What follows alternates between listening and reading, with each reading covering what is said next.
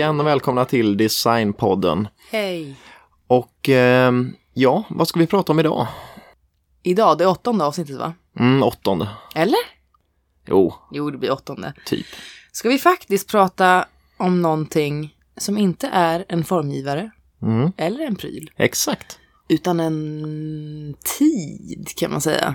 En stil. Precis, och vad är det för någonting? Funkis! Ja, Mm. och vi tyckte det var passande lite eftersom det här med funkis, det, det har ju återkommit eh, några Mm. gånger redan i eh, tidigare avsnitt. Och då är det bra att dyka lite mer på djupet om den här eh, stilen. Precis, för när vi håller oss i de här krokarna tidsmässigt va? Mm. Då är ju funkis. Ja, det har ju väldigt Där. stor inverkan på, på det som formges. Precis, så då kände vi att alla vet säkert vad funkis är liksom. I, ja, man har ju hört funkis, man har lite koll på funkis, men ändå. Jo, men ändå att man har Vi kör liten... lite djupare. Exakt. Och eh, ja, vi kör väl helt enkelt bara som vanligt rakt igång och ser var vi hamnar. Och vi, vi som pratar heter Sanna och Andreas. Yes. Och ni lyssnar på Designpodden. Mm.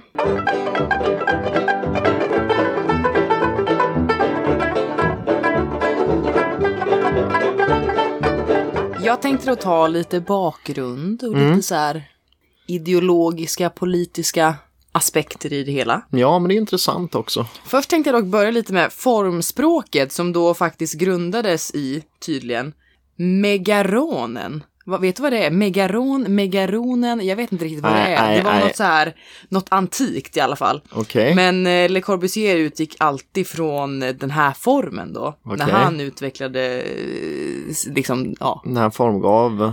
precis. Och tydligen så betyder det här ordet stort rum. Okej.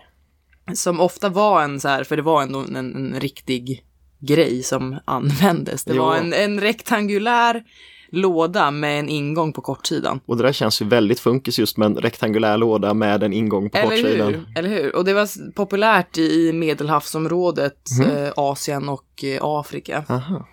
Så det associerades ju mycket, alltså funkis, till lite så här primitiva, med Mm. citationstecken, kulturer. Mm. Och det skapade ju lite negativitet. Ja, kring, eh, alltså folk var, de såg ner lite på det här Ja, kanske när men det kom. ja, på något sätt så, så, ja men man tyckte att det var primitivt och jag hittade lite så citat, eller citat, men så ord som sultanhus och eh, negerby var så här flitigt använda ord kring, att beskriva funkisen och liksom. Och det här avskalade Mm. formspråk, formspråket som kanske de här de som har sett till de här mer nyklassicistiska och det här tidigare, de, de eh, Exakt. kände sig inte alls hemma i det här förstås. Nej, precis. Och vad är funkis då? Ja, vad är det? Ja, vad grundas det i? Tell me now. Eller hur? Det allting börjar ju med då, Mm. egentligen, eller börjar med, men eh, kretsar kring Socialdemokraterna och eh, vinnandet av valet 32. Mm. Och det är väl det som kanske är lite så här, det präglar hela det svenska politiska och livet och samhällsbyggnaden under hela 1900-talet Det egentligen. gör ju det. Det var ju verkligen starten för folkhemsbygget. Mm. Och folkhem det är också någonting man hör hela tiden. Mm. Frågan är om folk verkligen har så koll på Mm. Vad, vad vad är. folkhemmet är liksom. Men i alla fall då. Den då nye statsministern Per Albin Hansson. Mm, han har vi nämnt någon gång innan just att han var med på den här eh, på eh, utställningen i New York där med ett stort ja, porträtt. Ja. har vi sagt det? ja, det nämnde vi där i, eh. I Greta Grossman Ja, avsnittet. det gjorde vi ja.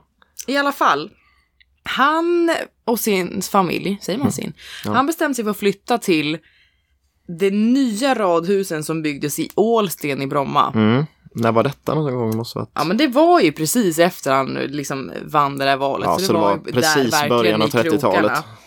Byggmästaren var en Olle Engqvist. Mm. Och han var verkligen så här by- funkis byggmästare nummer ett. Just då. Mm. De här husen då, det här radhuslängan, Mm. det var en halv kilometer lång gata.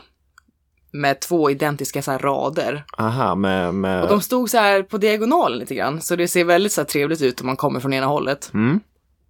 Sammanlagt var det 94 hus.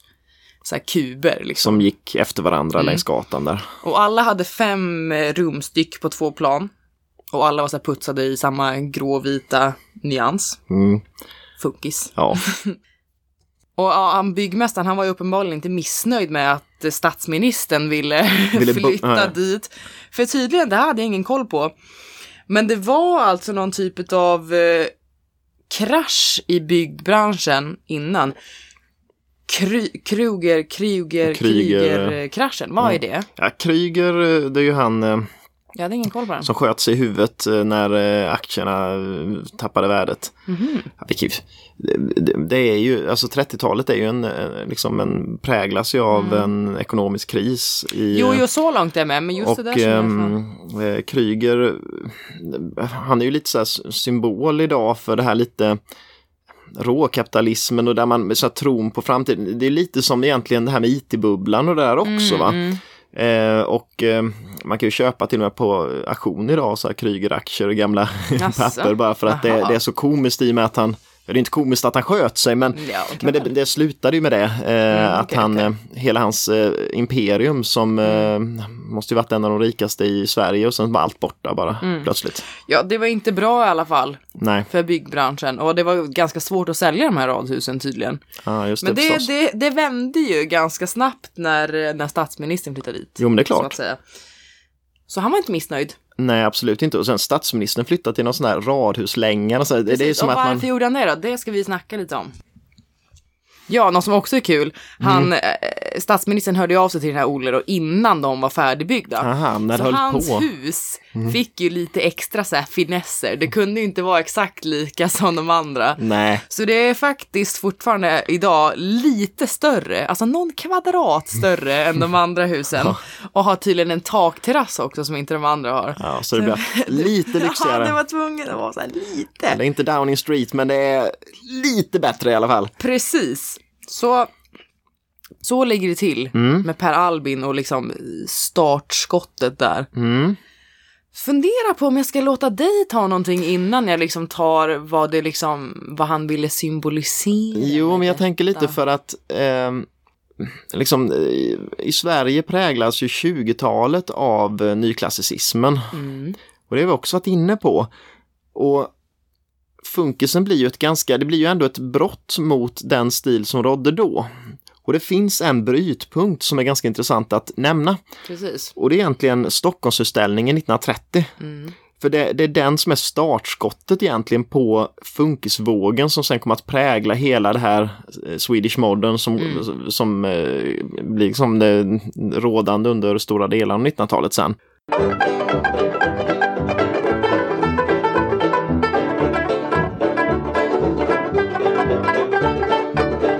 Och eh, ja, vad var Stockholmsutställningen? Ja, så helt ärligt har jag faktiskt dålig koll. Ja, men grejen är att Jag skäms lite, men snälla upplys mig. Ja men grejen var, det var en utställning som varade mellan 16 maj och 29 september 1930. Mm. Och eh, de som stod bakom utställningen, det var Svenska slöjdföreningen och de återkommer vi till Mm, Ja, nästan hela ja. tiden. Eh, och sen så var det även Stockholms stad som, som var en av arrangörerna. Men hur lyckas man liksom? Ja men det, det var på något sätt, man ville göra en nationell utställning för arkitektur, formgivning och konsthantverk.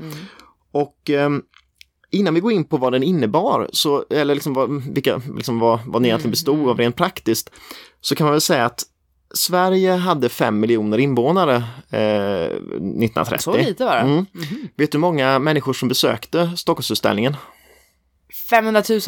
Fyra miljoner. Och det, ja, men det är ju helt bisarrt när man tänker det på det. Sen, visst, sen var, det, visst, sen var det många som kanske ja, var där flera gånger och Fyra många miljoner? utländska. Ja, fyra miljoner av, tid, av fem miljoner. Från Eh, maj till september? ja. Nej, vad Eh, obehagligt. och alltså på, på första dagen då, den 16 maj 1930, då, då hade, hade mm, den här utställningen 70 000 besökare. Men vad fan, hur stort var det? Liksom så här, vart Mm, var ja, men det var ju ett stort, det? ja men vi kommer in på det för Jaha, att okej, ja. det, det började egentligen med 1928 redan så ville Mm. slöjdföreningen ha en utställning liknande den i USA som man hade haft och det här, Mm. man lyfte upp konsthantverket och eh, formgivningen. Eh, och då, eh, han, Georg eh, Paulsson som var slöjdföreningens eh, direktör, Mm. han tog på sig det här och han blev eh, utställningsgeneral och man började planera. Och, och då ville, det känns som att man redan då var lite inne på det här modernistiska det nya formspråket från eh, Centraleuropa och så vidare och eh, därför vill man ha Le Corbusier som eh, designer för utställningen. Mm. Och det är ju egentligen lite konstigt tycker jag. För jag menar, Le Corbusier, är ju inte, han ska ju inte symbolisera svensk design. Nej, vad fan liksom. Så jag vet inte riktigt Var vad man... Schweizare, eller? Ja, men jag förstår inte vad man tänkte riktigt där. Nej, och då, han var hipp då. Jo, han var hipp och det var nog det man tänkte. Mm. Just det att vi får ett stort namn som skulle kunna göra det här. Precis. Men han ville inte. Eh, och det är ju mm. kanske inte, ja, det är ju inte så jättekonstigt att Precis. han kanske inte kan lägga jättemycket tid på en utställning i Sverige just då. Eh, så att därför tar Gunnar Asplund över. Ja, Gunnar. Och han blir eh, designer för utställningen. Ja, och Gunnar Asplund är ju ett av de stora namnen inom arkitekturen under den perioden. Men, ja, ja, absolut. Eh, och, jag vill inte gå in för mycket på Gunnar Asplund för att eh, vi kommer garanterat köra ett avsnitt om honom någon ja, gång framöver. Ja, men det måste vi ju såklart. Men man måste ändå nämna någonting för att eh, få en liten bakgrund. Och, eh, Gunnar Asplund eh, föddes 1885 mm. och han var ju arkitekt i huvudsak och är idag mest känd skulle jag säga för till exempel Stadsbiblioteket. Just det, Stadsbiblioteket och Skogskyrkogården det också, som han också ritade. Eh, och han fick ju mycket inspiration utomlands ifrån. Han var på en studieresa till Tyskland 1910 och eh, även 1914 gjorde han en stor Italienresa. Jag tror att det här präglade honom väldigt mycket. Men det finns ju i hans formspråk liksom två sidor, för det finns ju dels den här 20-talsklassicismen mm. som man ser i ja, men biblioteket eh, till exempel. Men sen eh, i och med Stockholmsutställningen, det är ju en sån renodlad funktiona funktionalist egentligen mm. då också. Så att ja, det är intressant att gå in på honom. Han, han dog ung redan 1940 också så att ja, vi kan gå in på honom senare. Han, måste varit 55 då. Ja, det är inte mycket. Nej, och han dog mitt under sin, liksom, han var mitt uppe i en process att, att jag skulle säga på toppen av sin karriär egentligen så dog han knall och fall. Jag tror det var på. hjärtinfarkt. Nej. Men utställningen i alla fall, det var den låg nere vid eh, Djurgårdsbrunnsviken mm. i Stockholm och eh, ja, antingen vet man var det ligger eller så får man kolla på någon karta men i alla fall. Och den bestod av, kan man säga, enkla utställningshallar. Mm som jag tycker det påminner mycket om man kollar på gamla bilder därifrån så är det, det är i princip skokartonger med glaspartier. Mm. Väldigt avskalat och enkelt och de ritades ju av eh, Gunnar Asplund. Hela utställningen präglas, det fanns bostäder, kiosker, flaggspel, restauranger och konstgallerier. Väldigt blandat. Ja, det var väldigt blandat. Och de här bostäderna som fanns, det var ju liksom ingen som bodde där utan det var exempelbostäder mm, för hur precis. framtidens och uh, de moderna bostäderna kunde se ut. Mm. Och det man ville var att visa just det här rationella bostäder, billiga bostäder till det stora flertalet egentligen. Och eh, hygien var något man också mm. tryckte väldigt hårt oh, ja. på för det var just det där att det, det, bort med det här gamla smutsiga lort-Sverige och in med något nytt. Mm, eh, och man visade både hyresrätter, radhus då villor. Och radhusen känns som något nytt här också. Mm, va? Jo, det, det, är liksom, ja, Eh, och det fanns även en Konsumbutik. Så man visar upp exempel på modern, eh, modern eh, butikslokal. Mm. Och det är nog ingen slump heller att Kooperativa förbundet var de som representerades i, i den här. Antagligen inte nej. Ja, och så fanns några andra nyheter också. Och så här, oh. Hotdoggen var nyhet. Oh, Varmkorv. Och det är också en funktionalistisk maträtt tänker man på här då. Ja, för att jo, jo. då kan du, du är ute och gå på stan och sen kan du bara ta en korv i näven. Men det är funktionellt och äta. ju. Ja, Men, och, även, äta en korv. Och även glass. Eh, puck pucken kom oh. som första glass du kunde äta bara, vaniljpuck antar jag, eh, som du bara hade på en pinne liksom och sen så åt du. Och det är också, och det är också så, funkismellanmålet där. Mat on the liksom go. Exakt.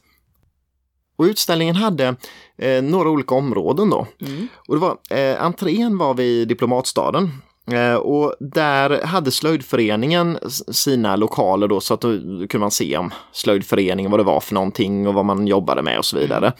Och där fanns också olika eh, områden. Där var bland annat oädla metaller, belysning, dyrare inredning och seriemöbler. Och det här var väl, ja men det är mer en sån här klassisk eh, slöjd och mm. konstutställning där då med, med ja, saker som producerades i Sverige och svenska formgivare. Men mitt i området då fanns det stora hallar och det här är ju de här ja, kuberna liksom som eh, Asplund har ritat. Och där fanns bland annat då Svea rike, jag vet inte exakt vad det var egentligen, men det fanns också hyreslägenheter och kontor. Mm. Och då kan man ju visa, det var liksom både arbetsplatser och det var liksom lägenheten in i stan. Hur ska det se ut nu för att ha en modern stad Mm. för det nya Sverige? Och sen i den östra delarna av utställningen, eh, då, då fanns villorna och radhusen. Okej. Eh, och då hade man byggt helt enkelt villor och radhus som exempel på liksom, hur kan en villa se ut idag? Ja. Hur ser en radhuslänga ut idag? Ja, men det är väl härligt Och- ändå. Utförligt. Mm, eh, precis. Och eh, om man säger att mycket av möblerna som fanns i verkligheten, om man säger, eller fanns produktion, och fanns i den här entréavdelningen. Medan eh, villorna, radhusen och kontoren, de inreddes med möbler som eh, de hade inspirerats av Bauhausmöbler och så vidare. Va? Men de fanns egentligen inte utan man hade bara tagit fram prototyper för Aha, att visa okej. Mm. hur ska det kunna se ut egentligen då. För att få rätt feeling. Och sen värt att nämna också, Gärdet ligger ju precis mitt emot eh, Precis. det området. Och eh, Det är ju var ju, funkis. ja det är funkis och eh, det fanns ju inte då egentligen. Nej, precis. Utan det var ju mer ett, ett ytterområde till Stockholm Mm. och eh, där hade man byggt alltså en stor landningsbana för zeppelinare. Så det fanns en Jaha. zeppelinare som man kunde betala några kronor för att åka en liten rundtur på området Mm. Nej, också. Så det är verkligen så här, ja men det ett kul, kul inslag. Fan vad charmigt det lät. Fast läskigt. Ja, men precis. Och något man måste nämna när man pratar om Stockholmsutställningen, det är reklammasten. Eh, för eh, mitt i området fanns en 80 meter hög reklammast som hade eh, reklamskyltar i neon och eh, även av vanliga glödlampor. För ljuset var någonting som var viktigt i utställningen. Det skulle speglas ner i vattnet och ja, egentligen så var inte det elektriska ljuset särskilt gammalt i Sverige när utställningen kom. Så det här var någonting väldigt nytt. Och eh, den här masten som var 80 meter hög, den hade ju då ett antal, alltså i toppen fanns eh, utställningens logga. Mm. Den har ju ritats av eh, Sigurd Leverens som Alltså de flesta utställningsaffischerna var ju med en fällkniv uppe och sen stod det 1930. Vadå fällkniv? Alltså en sån eh, liten överlevnadskniv, man kan fälla Varför upp det? en Don't ask me, men det var Va? väl något nytt. Men det typ. låter jättekonstigt. Ja, det är skumt. Var det det? Men det var så här funkis, det kändes lite så här Tyskland 1930 egentligen över, över affischerna. men Men, eh, de är väldigt grafiskt snygga så man kan kolla på dem. Eh, men i toppen finns utställningsloggan och, och sen kommer det ett antal eh, eh, tidningars eh, logotyper. Mhm. Och det var tidningen Veckojournalen, Allt för alla, Hela världen och Husmodern. Av dem, ja, men av dem känner jag egentligen mest igen Husmodern och Jag Veckojournalen. igen något jag Jag tycker Husmodern och Veckojournalen finns ofta på loppisar idag. Så här, man kan köpa för några kronor i en, en bunt. Vad det där Allt för alla, vet fan vad det är och hela världen. Nej, vet jag inte heller. Men de var stora då och de, de fanns där. Eh, sen fanns det även de här klassiska varumärkena fanns med där också. Det var Läkerol, ja givetvis. Röda sigillets halsdukar. Röda sigillet ser man ofta på ja, eh, liksom i gamla reklamskyltar och sånt man Mhm, kollar på. Philips fanns. Alltså, already. Ja, Massetti och Ramlösa. Massetti. Ramlösa hade en sån här roterande flaska av något slag där, jag vet inte hur. Men vad är ja. Massetti? Vadå? eh, Massetti är ju ka- kakao, va? Chokladdryck. Ja. Men alltså utställningen, för det här är ju en, väldigt, det är en period i Sverige där, där det blir en brytpunkt mellan dels eh, 20-talsklassicisterna Mm. och de som finns kvar av eh, de här liksom nationalromantiska inslagen och, och det också. Mm. Och arkitekterna som är extremt radikala istället och liksom sopar gatan med allt som fanns innan och vill ha den här skokartongen. Mm. Oh, ja. Och man kan väl säga lite att även om man idag kommer ihåg Stockholmsutställningen som en funkisutställning så den här första delen där man hade ja men, de här hantverket och det, där fanns det mycket traditionalister som inte alls var så här funkisavskalat. Eh, och sen så var det ju istället så att de inom eh, eh, arkitekturen och där, där var det ju den här raka fyrkantiga linjer och så vidare. Eh, så att egentligen fanns det ju en liten motsättning på utställningen mellan eh, traditionalisterna och funktionalisterna. Och det märker man väl ganska tydligt då när man ser på de möbler och de konsthantverk som produceras och, och visas eh, i eh, slöjdföreningens, eh, liksom åt det hållet. Eh, och det kanske är därför också på något sätt att, att arkitekterna själva hade mycket möbler som inte egentligen fanns men bara skulle vara så här extremt Bauhaus över, över sig då. Eh, och kan man ju ta någon gång men, men det är ju liksom det smält... Bauhaus ja. Ja, det ska vi absolut Ja, göra. vi. Och, och det här, ja det blir Så det går vi inte in på. Nej. Men man kan ju nämna att på något sätt smälter det här samman. För Malmsten till exempel var ju extremt kritisk till utställningen och Mm, tyckte det var hemskt. citat Ja, exakt. Jag Kan, nämna- men det är liksom, på något sätt, det här smälter samman längre fram sen. För det som blir Swedish Modern och, och det här, det är ju egentligen en blandning av funkisen och de som mer Alltså de här som fortfarande hade kvar drag av eh, nyklassicism och eh, de traditionella Mm. formspråken. Men ehm, ja, den pågick ju då till september 1930 utställningen. Och eh, efter det så revs den helt enkelt och det känns ju så här jätte... Deppigt på något sätt. Ja, men man har byggt hus, man har Och så byggt... tar ju hur lång tid som helst. Ja, eller? gud, det värsta projektet och några hus flyttas och används sen som bostäder faktiskt, men Mm. det är väldigt få. Resten rivs utom eh, restaurang eh, Lingården som eh, på Djurgårdsvägen, den, den fick vara kvar, men resten rev man. Fan. Och eh, man kan väl säga att utställningen, mycket nytt hade ju producerat, hade ju liksom visats i Sverige Mm. och man hade banat väg för det som komma skulle då. Och det var väl det som var det stora egentligen och det är ju det du var inne på liksom att, att Socialdemokraterna tar makten i Stockholm 1931 och 1932 i Sverige och sen så kommer de ju liksom vara kvar i nästan hela 1900-talet. Som en följd av det här så, så bygger man, man bygger ett radhusområde redan 1931 då, året efter utställningen i eh, Norra Ängby, eh, som Uno, ja, eh, No- eh, Uno Ren, han eh, ritade. Eh, 1933 så ritas Södra Ängby och det är ju ett, eh, liksom, än idag världens största bevarade funkiskvarter. Det ser dock fan deppigt ut när Ja, det ser- i tunnelbanan. 19, sen följer ju alla de här områdena, 1937 Traneberg, 1938 Hammarbyhöjden. Mm. Och, men tanken var ju, det ser jäkligt deppigt ut som vi var inne på, va? Men, men tanken var egentligen inte så mycket estetik. Utan, eh, det var ju där, det skulle finnas centralvärme, vattentoalett, det skulle finnas rinnande vatten, det finns balkong, Ja, kök, eh, sopnedkast, lek, lekpark till barnen Mm. och så vidare. Det var liksom eh, en ny stad, liksom, man skulle se fram till något modernt. Eh, och eh, på något sätt så hade ju 20-talsklassicismen liksom konkurrerats ut i och med, i och med utställningen och, och det nya som presenterades. Och eh, en viktig sak som verkligen är värd att nämna är också att Bruno Mattsson då, han såg utställningen och inspirerades enormt och kom väl att producera sina möbler efter det liksom som Ja, det tror jag. Ja, det känns ju som att han är liksom det svenska svaret på Marcel Breuer eller någon av de här eh, liksom, Jo, men det måste man väl europeiska. säga faktiskt. Men, men det känns så, Om man just tänker på möbler liksom, absolut. så tänker man ju Mattsson. Jag vet inte mer. Nej, För att vi, vi tar inte upp uppenbarligen så mycket möbler idag. nej, men vi gör inte det. Men, men det, är, mm, det- det är mer en stil som kommer att påverka allting. Precis ja, det handlar ju om hela livsstilen. För jag har ju lite mer då om liksom, om vad funkis politiskt och estetiskt ändå var. Ja, men jag tycker vi går in på det.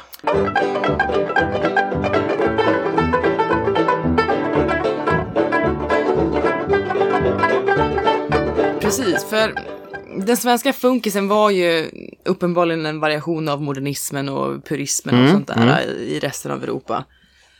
Och det, det, den har ju uppenbarligen en politisk mening. Jo, men på något sätt känns det som att den här stilen har en eh, Liksom det, det finns någonting större än eh, bara utseendet här. Det finns verkligen någon Precis, en annan dimension.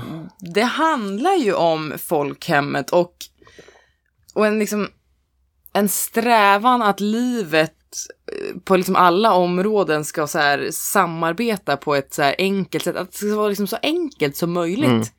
att leva på något vis. Att, att ta bort det här som var eh, alla de här störande momenten och det här Precis. att människor inte kunde leva sina liv på grund av att de inte hade en fungerande bostad och inte hade det här fungerande. Precis, att man bara vill underlätta för Mm. alla liksom. Mm, och estetiskt handlar det ju om att skönhet skapas genom en tydlig funktion och Mm. inte dekoration. Liksom. Det handlar bara om vad ska det användas till och det är bra så. Liksom. Ja. Det behövs inga krusiduller. Nej men exakt. Och jag gillar ju dock det, men skitsamma. Ja, jo, vem gillar inte det, men, men, vi kan, kan det vara lite också, vi kan inte unna oss det här liksom, utan vi, vi måste så. gå tillbaks till Ja. pudelns kärna här va? Gud vad det är ett konstigt uttryck tycker jag. Vad Jätteskumt, betyder men, det? Ja, men det, det finns en hund där långt inne innanför krullet liksom. Ja, Det är det? ja För att jag fattar aldrig. nej. Nej, vi. Vi skiter i det. I alla fall, Per Albins flytt då blir ju så här, det blir ju verkligen en politisk signal till att men det är jämställt och det är liksom Sveriges ljusnande framtid och att det liksom verkligen är modernt. Men det är liksom jämlikt. Det tror jag är väldigt grunden. Ja, och på något sätt är väl den här oskarianska stilen som kom på sent 1800-tal, eh, liksom eh, den här nationalromantiken och Mm. det här, på något sätt är det ju stilar som skapades för borgerskapet ändå liksom och Precis, för de jo, jo. rika. Jo, jo. Och det här är Ja, istället då funkis är ju mer vänster än, än något Ja. annat liksom. eh, extremt radikal stil då istället. Verkligen. Ja, det var ju ett sätt att på något sätt förändra världen. Och liksom Mm. samhället och staden och arkitektur och möbler. Allting skulle ju förändras. mm, absolut. Och det fanns en tilltro till utveckling och framtiden. Och den var verkligen så ljus och positiv. Man Mm. tänkte bara så här att allting skulle bli så fantastiskt. Jo, men exakt. Och det, ja, det är väl inte helt osant. I alla fall så var det ju en, en övertygelse om att eh, logisk och rationellt tänkande och problemlösning, då, då blev allting bättre. Ja. Och det ja. Jo, på något sätt, jag tror att, att liksom ehm, det är lite farligt ibland när man diskuterar det här att rivningar av de gamla kvarteren och det här och att man romantiserar över hur det var förr då när Mm. de här gamla husen fanns kvar. Men man ska komma ihåg att det är jävla råttbon som folk bodde i liksom. Ja, Utan värme, dass på gården och så vidare. Och då var det väl ingen som var så jävla nöjd över att bo eh, i en kall eh, lägenhet med englasfönster och Nej, eh, liksom på. inget kök. Nej, det kan vi ju tycka är charmigt idag när det har liksom renoverats, men Nej, Men, men då fanns ju inte det här att man skulle renovera en schysst fastighet utan det var ju, folk bodde ju, de frös ju nästan ihjäl på vintern och det är ju det här man vill få bort då i och med precis, precis. den nya staden Mm. som ska växa fram. Jo, men där är jag ju också så här lite skyldig. Eller jag kan ju tänka bara fan vad deppigt att det är så mycket som har rivits Mm. och rivs liksom, men tänker ju inte riktigt på att det inte var så jävla fantastiskt eh, medans. Nej, och det var ju människors liv man pratar om. Ja. Liksom. Folk måste ändå ha en lägenhet där du kan bo Mm. och där du kan, eh, dina barn kan bo. Du kan, du kan inte ha liksom 1800-talsstandard längre då in Nej. på Hur charmigt 1930-talet. den ser ut utifrån. va? Nej, men exakt. 1928 har jag noterat att den Mm. första offentliga funkisbyggnaden eh, ritades och eh, byggdes. Mm. Vad tror du om det? Låter att det stämmer. Det känns nog ganska bra, för det var också det året som mm, slöjdföreningen började prata om Stockholmsutställningen och det känns som också att funkisen var på gång där lite. Mm. Precis, så att man, så verkligen så här i, i begynnelsen. Mm. Och det var Uno Reno och Sven Markelius. Ja. Det var kårhuset vid Tekniska högskolan Mm. i Stockholm. Det var 1928 redan. Ja, det är ja. precis, det är ju tidigt Det är alltså. tidigt i Sverige. Sen nämnde du ju Gärdet lite snabbt, men det är Mm. ju faktiskt också grundat 1926. Mm. Som det, allting byggdes uppenbarligen inte då, men liksom grunden lades då. För det är ju också verkligen funkis. Ja, det är nog ingen slump att utställningen hamnade där nere. Precis. Och du har redan nämnt lite grann om Malmsten där.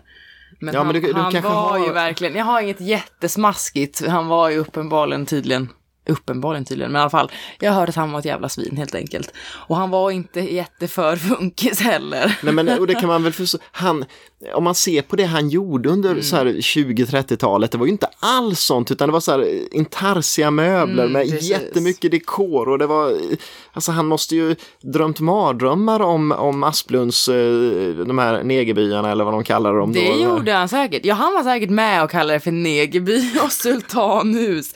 Eller han kallade det på något sätt detta fattiga program. Mm, Han skrev, alltså han beskrev alltså Funky som slätstruken, importerad, Mhm. antitraditionell, mekaniskt torr och grundad på falsk saklighet. Ja, det är ju ganska hårda ord om... Ja, det är väl ganska liksom, vad fan. Ja, men han var... Charlie, bes- Han, var vad hette han? ja, han hette Charlie va? Egentligen. Charlie Malmsten. Ja, men grejen var... Han var väldigt besviken över att han inte blommade Precis. starkast då, Precis, givetvis. han var inte hipp då. Nej, Det är synd. Synd om Charlie. ja. Var det Charlie? Jag tror det var Charlie Malmsten. Fan, det är Ja. kul alltså. Ja, det, det här kommer vi till någon annan gång. Ja, vi tar ju ja. Malmsten också uppenbarligen. Ja. Vi har ju dock inte alls snackat om eh, typ estetiskt hur funkis ser ut så mycket egentligen med en kuber och så. Nej, exakt. Vi pratade om det här hur utställningshallarna såg ut och, och att de var de här eh, liksom som en skokartong och så. Men hade du något om det? Ja, alltså folk man, har, man vet ju vad funkis är, det gör man ju, men ändå så här. Mm. I alla fall.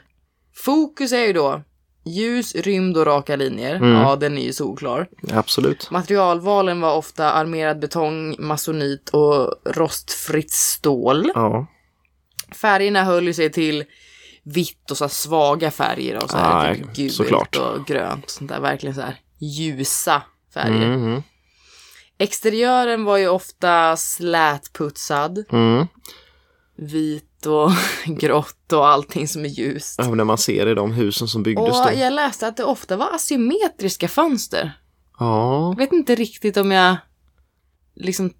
Nej men jag vet inte. Men det läste jag i alla fall. ja, det är möjligt. Och att det var mycket fönster utan spröjs. Att det var verkligen så Ja, men stora, Mm. för det är väl det som kommer då. Man tar bort spröjsen och det såg Precis. man på utställningens byggnader just att det var de här stora glaspartierna kändes det nästan som det, det största man då kunde bygga liksom i glas. Mycket flacka tak. Det lär väl också Mm. varit ganska nytt. Eller? Jo, men och det ser man väl i de här radhusområden och det också. Det är de här flacka ganska Mm. Det skapar en, en, liksom en sågtandssymmetri över Precis. landskapet. Balkonger också. Mm. Det lär inte varit allt för jättevanligt eller innan. Nej, inte på det sättet. Inte de här fran, liksom förr var det franska balkonger och lite sånt där. Men ja, precis. nu skulle man ha. Kungsbalkonger, men det är ju bara bullshit, för det kan man inte ens stå på typ. Nej. Interiörer var ju då ofta köket som har lite så här kännetecken. Mm. Väldigt släta luckor, inga krusiduller. Mm. Och det var mycket, också- mycket skjutluckor. Mm. Och här är väl också då funktion återigen i fokus. Lätt att torka av, Japp. gärna inte öppna utan skjutdörrar istället så Ja. behöver du inte riskera att slå i huvudet när du ska Nej, ta ut fan, eh, hur- Det bakformen. kan ju gå åt helvete. Badrum. Mm. Kvadratiskt kakel i svartvitt. Mm. Det är lite härligt. Ja, men det är man trevligt ändå. ha. Annars hade jag inte jättemycket om interiören i sig. Nej, Men funktion. exakt.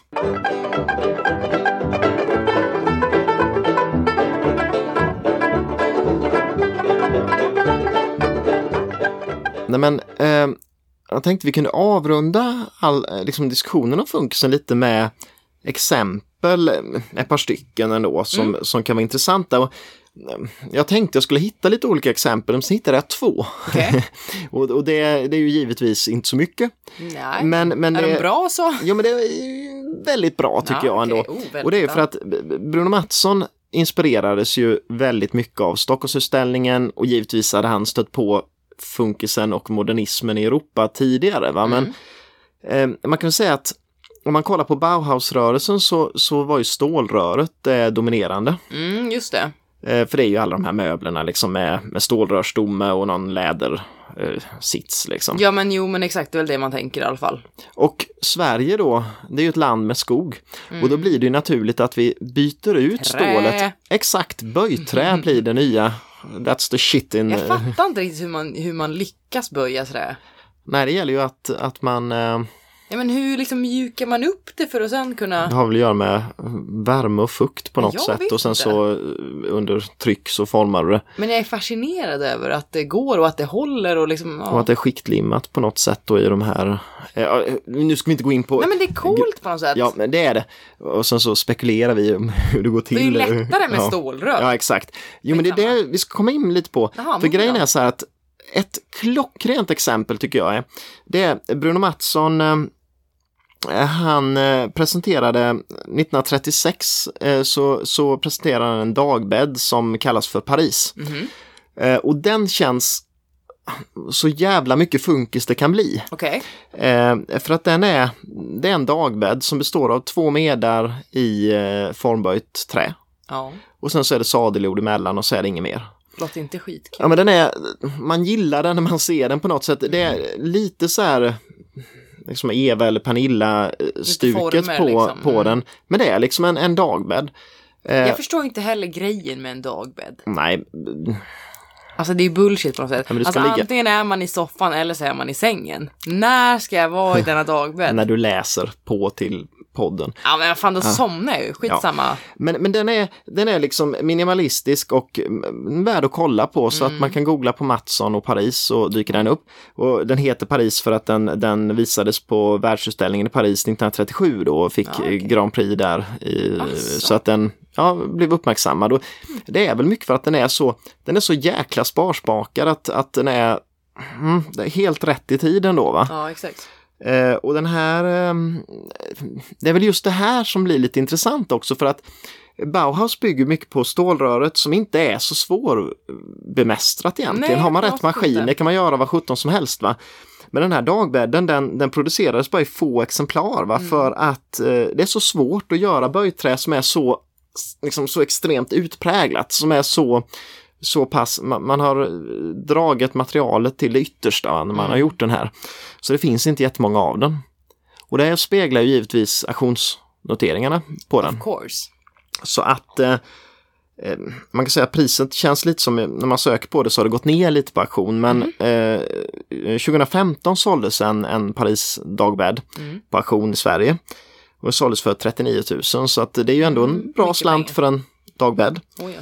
2014 såldes en för 44 000 och 2010 finns toppnoteringen i Sverige på 72 000 för den. Jaha, Så att- shit men det är Eh, ju... Och jag tycker ändå att det är mm, ett typexempel på svensk funkis liksom, som verkligen, ja, den är värd sin slant. Verkligen, men är då funkis lite mindre wanted nu liksom? Svårt att säga. Um, möjligtvis att, ja, nej jag vet inte. Eller om det är Bruno. Mattsson är ju alltid Bruno Mattsson liksom. Det Ja. går ju alltid hem hos folk. Ja, Så det är ändå, det är ju en väldigt stor skillnad på 39 och 72. ja, det känns som att det har varit en, en konsekvent nedåtgående trend, men ja, jag skulle säga att, att den, men den är så pass bra att den, den kommer hålla i sig ändå. Ja, alltså 39 är ju uppenbarligen fortfarande jättemycket pengar. Ja, men För absolut. en dagbädd som jag inte förstår syftet med. Men sen tänkte jag vidare på ett exempel till på funkis och svensk formgivning. Mm. Och det är någonting som inte kostar så mycket pengar, eh, men det är eh, servisen eh, Pyro av eh, Willem Kåge. Mm. Och det finns ju även en kryddhylla i den serien och man Ja, kan baka det. in lite just de här kryddhyllorna som kommer Just det. i porslin det. och Ja, glas. det jag med. Eh, och det är ju sådana här klockrent exempel på funkis som är producerat för de svenska hemmen och hemmafruarna då som börjar dyka upp i, i När liksom, man ska baka och så va? Jo men exakt. Och, och Pyro har ju väl alla sett någon gång Mm. liksom. Den här ganska trista servisen egentligen. Eh, och det som var det nya här, det är ju eh, Gustavsberg som producerar den. Mm. Och det är ju just det här att man ska rationalisera bort onödiga moment i köket. Mm. Det vill säga att innan så hade man en form inne i ugnen, tar ut den, lyfter över köttbullarna i en ny form och sen serverar. Men det är onödigt. Här ska man inte göra det utan här ska man in med formen i ugnen och sen ut med den och Bara på ät. bordet direkt och ät Behöver direkt. ingen tallrik heller. Exakt. ja men typ. Nej men, men det är ju så exempel på, på just verkligen klockren funkis. Mm. Och kryddhyllan är väl också det för de nya köken som dyker upp. Du ska Men ha är det det man tänker när det är så här någon liten glasbytta där man typ ser Mm. vad det är i? Och... den här klassiska redahyllan som är eh, glasskeppor som man skjuter in. Ja, Men det. det. finns ju även i Pyro har, har också en motsvarande system Mm. och det finns andra serviser som också har det. Men, det. men det är just det här rationella, moderna köket som eh, man skulle liksom ja, det, det, ja, som passar det nya, det nya lite Sverige. över kursen då. Det är inte jättejobbigt att hämta mjölet ur skåpet liksom. Nej, men det skulle vara rationellt, det skulle gå fort, det skulle, det, inga onödiga moment. Fan, så att, så jävla bråttom till det egentligen. ja, det var ju till att bygga det nya Sverige. Man skulle ut och Ja, såklart. Ja.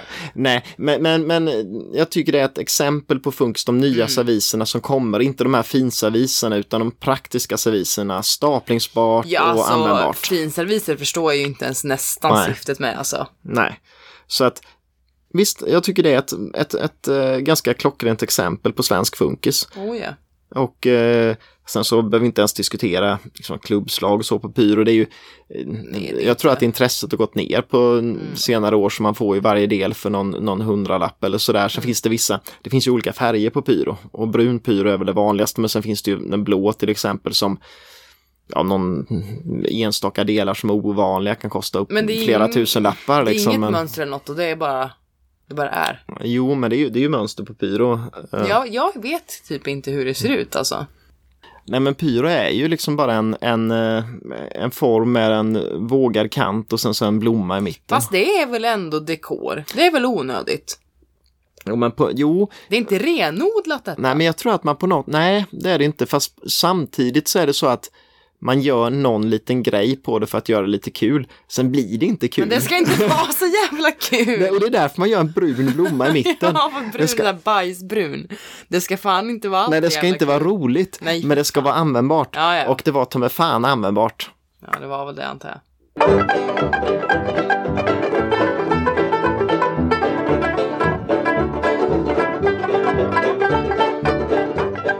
Ja, men det här är ju en liten sammanfattning av, av när vi har raljerat över Ja, funkisen. det. Men, men vad kan vi säga om funkisen egentligen? Liksom så lite, det är ju det är på något sätt att eh, det växer fram när det stora flertalet börjar bo i städerna. Man, man kan inte hålla på med det här med, med stora flådiga våningar och formgivningen ska Nej, anpassas nej, efter... det eh, make väl sens. Ja, Vänsterpolitik, liksom folket som eh, liksom enhet. ja men det är socialliberala, man ska Ja. liksom, ja, Jämlikhet. jo men precis. Alla ska göra likadant. Statsministern bor liksom granne med. Mm. Liksom, det ska vara... Ja, det är ganska så uttalat det där så att Mm. absolut och på något sätt tycker jag att det än idag påverkar enormt mycket i det man gör och sen så vill man försöka hitta på att, att eh, liksom 2010-talet ser så mycket annorlunda ut men Jag eh, vet inte fan vad. nej, jag vet Har inte. vi ens en stil nu? Nej, jag liksom? vet inte tusan faktiskt. Fan, det blir spännande typ sen i the future. Se vad vi hade för. Jo, men precis. Det är skitkonstigt. Ja, men eh, för att lämna, vi, vi har ju sagt så här att vi ska ha någon lite så avslutande eh, punkt i varje avsnitt. Ja, den, den är ju lite sådär flytande på Ja, men det är kul för det blir så här totalanarkistiskt för det finns ingen anledning, eller det finns ingen koppling, det finns inga Jag det. regler. Nej, ja, du bara yes. nu bara kör vi. Och jag, jag tänkte så här, ja, jag tänkte på Hitler.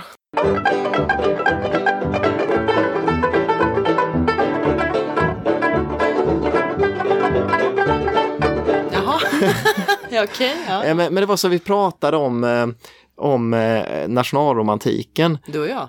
Ja, men det har vi gjort tidigare. Eh, och nej, men, förra avsnittet här tog vi upp det. Och, och lite det här, mm, man, man får ju tanken att, att nationalsocialisterna skulle ha lite en sån approach till det hela. Och de, man vet ju även att de, de såg tillbaka till det gamla romarriket och så vidare. Mm, ja, ja. Och då funderade jag lite på, undrar hur Hitler hade det hemma då? Eh, för, för det borde ju ha speglat det här. Fancy. Ja, och så såg jag att det fanns någon bok som var så här eh, om Hitlers inredningsstil som hade getts ut och så. What? Eh, men jag orkade inte riktigt gå in på det för jag kände så här att jo, man har ju säkert haft någon inredningsarkitekt som har ordnat allting i örnästet och i den här eh, vargskansen på och de här olika husen han jag hade. tror han var ganska dominant själv. Jo, fast jag tror ändå att det var, men jag vet inte, han hade mer tid. Så jag tänkte så här, Mm. det som är intressant att kolla på, vore inte det hans bunker i Tyskland eh, eh, under liksom slutstriden där? Jo, för, För på något sätt måste det varit så att det han gillade och det han använde sig av, det, det var det som syns där. Precis, speciellt om man tänker att det kan vara slutet liksom. Han måste ju- han ha the good stuff. Ja. Ja, han måste ju förstått ändå att, att det kommer gå åt helvete väldigt snart. han var väl inte helt dum. Nej, Eller ja, Eh, och då är frågan, nej men då är frågan, te- liksom ramlade det över till funkisen då bara för att det var användbart? Eller höll han sig till det här nationalromantiska? Det tror jag. Och då är frågan, då har jag kikat på, det finns ju en Han del... älskar ju antiken och sånt. Jo men precis. Och då har jag kikat på, det finns en del eh, bilder ifrån Mm. bunkern Mm. och de flesta är, är de som togs efter, efter liksom, när, när kriget precis var avgjort och man stormade bunkern, man gick in. Och eh, då är ju det mesta trashat men det finns de här Ja. bilderna och man kan kika lite på. Och vad finns där inne egentligen? Ingen aning. Men nu har jag kollat. Ja, ja det fanns det nog. Hitler eh, sköt ju sig så att han, han hade väl slut på cyanid. det kanske. Or did he? Nej, Nej, vi ska inte snacka om Nej. konspirationsteorier i den här. Men... Men det man ser är Nej, det, det är ta fan inte så mycket funkis. Nej, Utan om man det. googlar på bilderna Hitlers bunker, det är, det är de här jugendstolar ser man här. Mm, det är väl trevligt. Det, det, det dyker upp, vi ska titta lite på bilder samtidigt. Det är ju jättebra podd att vi sitter och Mm. Nej, tittar men på bilder som äter. Ehm, bland annat finns det en soffa eh, som är ganska central och, den har ett, ett blommönster i ek, ganska typisk jugend som, som dyker upp. Mm. Eh, och det finns lite konst som ligger som är så här eh, klassiska italienska eller eh, liksom som, som målningar med porträtt. Precis, flamländskt. Ja, lite den, den stilen på Ser det. fan Italien ut tycker jag. Ja, och ja, det, det, det är ta mig fan ingen funkis här utan det, det enda jag hittat som, var, som känns väldigt mycket Bauhaus över det, trots Bauhaus var ju en rörelse som Hitler själv förbjöd. Liksom. Men, men det finns en, en bordslampa här som är väldigt mycket funkis, det är så extrem funkis istället. Men, men det är väl för att Blandad då? Ja men det kan vara så att lampan behövde vara väldigt funktionell i en bunker som är Eller långt mörk, under jord. Ja. Ja, så där måste han göra det. Medan stolar, inredning, övrigt, ja det är ju den här klassiska. Och Han eh, gillade krusidull. Ja exakt. Men då tänkte jag som allra allra sist då ändå, jag tänkte jag så här att Hitler, ja men det var ju det här ja, nationalsocialistiska så. Då råkade jag googla på, på Stalins bunker. Vad hade han också? Ja, han hade ju en bunker ändå i, i, i eh, Moskva. Mhm. Och då tänker man ju så här att, ja men Stalins bunker, den var ju i alla fall liksom så här funkis, eh, funktionalism, modernism, raka linjer, fyrkantigt, var den det? Du, jag har noll koll på... Nej, men jag kom Detta. fram, det var det ju inte heller, utan det var också så här, det var mer sån här rysk nationalromantik, det var så, eh, ungefär samma former fast lite mer eh, liksom ryska inslag. Mm, mm. Så man kan, tycker jag nästan på något sätt att man kan dra slutsatsen att att det här är ju ledare som vill vara, liksom visa att de är ledare och de vill ha de här lite flådiga, speciella formerna och eh, liksom lite mer. De skulle nog inte nöja sig egentligen med, med funkisformer. Nej, nej men exakt, för det, det ju, finns ju inget extravagant i funkisformerna. Nej men liksom inte ens Per Albin nöjde sig med funkishuset utan han ville ha lite bättre. Nej, han frågade inte om det, Nej, okej. tror jag. Det var liksom Ja, inte det på hans inte. request. Nej, men enligt den här boken då, Mm. så var det ju inte på Per Albins request att den skulle vara Utan det lite, blev lite så. bättre. Ja, det blev så. Men jag, jag kan ändå förstå att, Men jag kan att ändå, instinkten var men jag att kan fan, ändå tänka så här att, här. att det går inte då. Det är så man kan tänka, det, man kan ju inte ha Stalin sittande där och, och röka cigarr i ett, ett rum med bara en enkel liten pall. Det blir inget bra. Nej, men Så förmodligen är det så ändå på något sätt. Vi, jag tror det är så att man ska inte bara säga att det är nationalsocialismen som gjorde den här nationalromantiska utan det, det kanske är lite allmängiltigt för många av ledarna liksom i, i, i många länder att, att det ska vara lite extra, man ska visa att man är, är ledare och att man det är är... väl lite tradition också ja. väl, eller? Precis. Vad kom vi fram till då? Vi kom fram till att eh, Hitler var inte funkis, Stalin var inte funkis. Nej, och Per Albin var nästan funkis. Jo, men han ville. Han ville men vågade inte riktigt. Joho! Ah, Det var inte Albins fel. det var inte Albins Per fel. Albin, det är ett kul Ja, det är kul namn. Ja, men det var ungefär det vi hade i den här veckans avsnitt om Ja. funkis. En liten lätt eh, nedslag i några olika exempel på funkis och lite bakgrund. Ja, men det viktigaste på något sätt väl? Eller Ja, ja, är... Ja, men jag tycker men vi kommer ju åter, säga, ja, det är men- att vi kommer återkomma till det här i många av de Ja, men vi framtida gör ju avsnitten. det alltid. Så det kändes bara logiskt och verkligen så här. Få en liten djupdykning Så att i ni det. alla vet. Vad är funkis? Vad menar vi när vi säger funkis? Exakt. Och ja, då, då avrundar vi väl egentligen det här avsnittet. Mm, jag känner mig nöjd. Eh, jag med, tror jag. Och eh, vill man oss någonting då kan man väl eh, ta och slänga iväg ett mail till Designpodden at gmail.com. och besöka oss på Instagram. Yes, Designpodden. Och eh, ja, Facebook finns vi också på och eh, ja, tveka inte, ja, tveka inte att höra av er. Nej, Yes, så hörs vi nästa vecka igen. det gör vi.